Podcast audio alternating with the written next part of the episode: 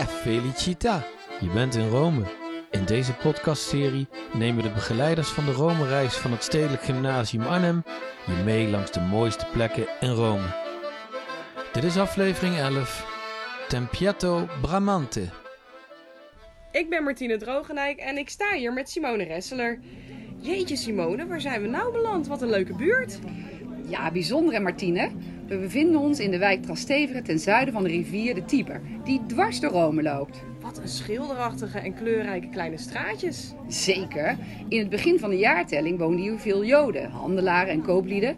Maar nu zie je er vooral veel trendy buitenlandse toeristen, maar ook echte Romeinen hoor. Maar eh, genoeg geklets. Kom op, we moeten die heuvel op daar, achter het prachtige plein van de Santa Maria in Trastevere. Die heuvel? Jemig, nou, let's go. Pff, dat is een pittige klim. Waar gaan we eigenlijk naartoe? Ja, zeker. Ik neem je mee naar de San Pietro in Montorio. Een kerk op de heuvel Gianicolo. En deze heuvel werd traditioneel in Rome al gebruikt voor kruisigingen. Petrus zou hier ook gekruisigd zijn. Of op het circus van Nero bij de Sint-Pieter. Maar het is nu vooral een mooie plek om te wandelen. En waar vandaan je een prachtig uitzicht over de stad Rome hebt. Nou, we zijn er. Maar eh, waarom naar deze kerk? Ja, jeetje, wat een klim hè? De kerk is opgedragen aan Petrus, een van de twaalf apostelen en de eerste paus. Maar eigenlijk gaat het me niet zozeer om die kerk, maar om het binnenplein tussen de kerk en het klooster. Daar bevindt zich het Tempietto van de architect Donato Bramante. Hij kreeg de opdracht van de Spaanse koning Ferdinand en koningin Isabella om een kerk te bouwen ter nagedachtenis aan de kruisiging van Petrus. Oké, nou, eh, naar binnen dan maar. Laten we maar eens kijken. Ja, doen we. Maar wat is die klein? Ja joh, hij is maar 13 meter hoog. Eigenlijk niet eens zichtbaar aan de buitenkant van de San Pietro in Montorio. Het is eigenlijk meer een monument dan een kerk zou je kunnen zeggen. Er kunnen maar een paar mensen binnen. Ja, het is echt een schatje. Eh, en waarom is dit Tempietto zo bijzonder voor jou? Nou, Rome is naast de enorme hoeveelheid Romeinse resten, vroeg-christelijke en middeleeuwse bouwwerken, vooral een barokstad.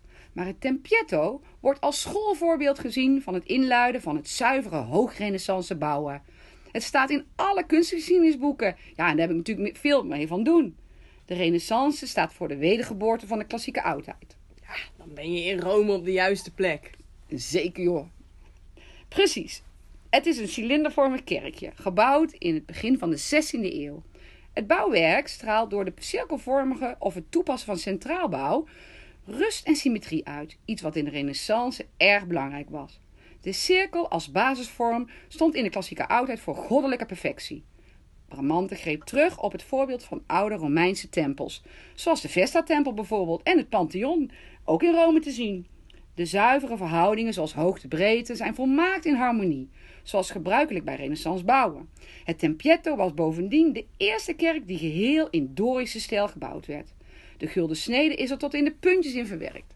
Alle maten zijn gerelateerd aan de diameter van de gebruikte zuil.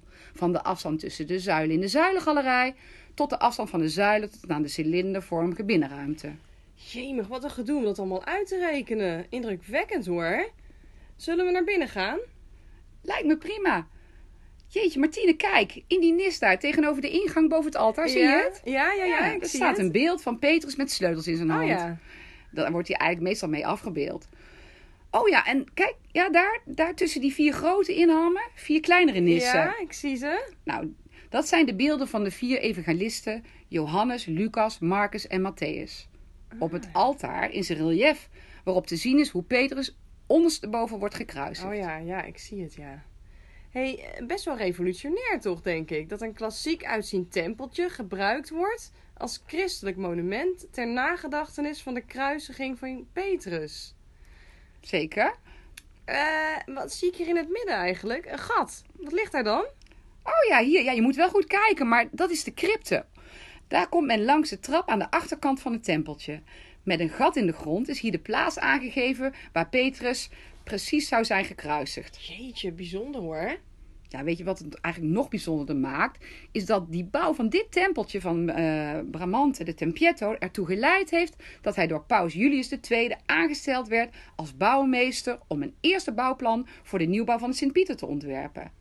Er stond al een verouderde basiliek op die plek, gebouwd op het graf van Petrus. Na zijn overlijden hebben er nog twee grote namen uit de renaissance gewerkt aan de bouw van de Sint-Pieter. Je kent ze wel. De grote Raphaël en Michelangelo. Ja, Ja, tuurlijk, wie kent ze niet. Maar wat, eh, wat goed dat die Bramante dat voor elkaar heeft gekregen zo. joh. En eh, kom, we gaan er weer eens naar buiten en van het uitzicht genieten op de heuvel. Want daar wordt namelijk dagelijks om 12 uur een kanon naar buiten geduwd en afgeschoten. Mogen we echt niet missen. Oh, oh, dat zul je het hebben, zeg. Oh, jemig, wat een herrie. Nou, maar vertel even, hoezo doen ze dat dan? Nou, het herinnert de inwoners van Rome inmiddels al 150 jaar aan het feit dat het middaguur is aangebroken. Belangrijk momentje voor die Italianen. Ja, ja, zeker.